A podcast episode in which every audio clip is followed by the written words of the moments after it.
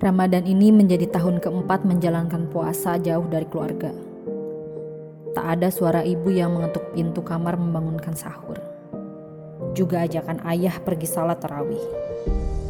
Cukup terasa memang perbedaannya. Walaupun bukan kali pertama jauh dari keluarga, namun tetap tidak biasa.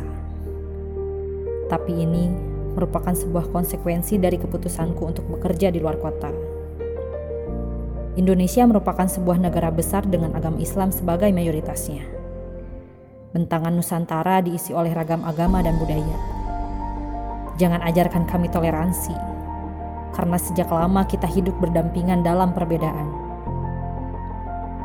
Beberapa teman berbeda keyakinan kadang bertanya, mengapa umat Muslim bersedia untuk menahan diri dari makan dan minum, sedangkan mereka harus tetap beraktivitas. Ditambah lagi dengan musim panas menambah rintangan puasa semakin berat. Kebanyakan memang belum mengerti. Kemudian kita mencoba menjelaskan bahwa berpuasa adalah sebuah kewajiban bagi seorang muslim pada bulan Ramadan.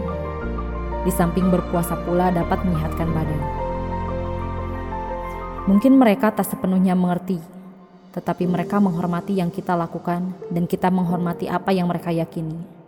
Begitulah seharusnya sebuah toleransi, harus tetap dijaga antar sesama. Walaupun kita berbeda tentang keyakinan, tetapi kita adalah saudara dalam kemanusiaan. Itulah yang agama Islam ajarkan. Saat langit mulai gelap, semua bergegas bersiap menyajikan makanan untuk disantap. Masjid terlihat ramai, anak kecil berlarian ke sana kemari.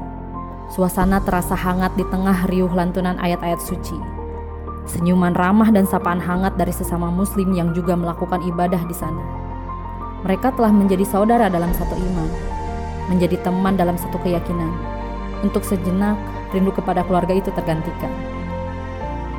Dengan siapa melewati suatu momen yang besar, tentu menjadi hal penting. Jauh dengan keluarga bukan alasan untuk tidak bahagia Berpisah dengan keluarga bukan alasan untuk berduka. Banyak teman seiman yang menemani melewati Ramadan yang suci. Tempat berbagi saat suka, bercerita kala duka.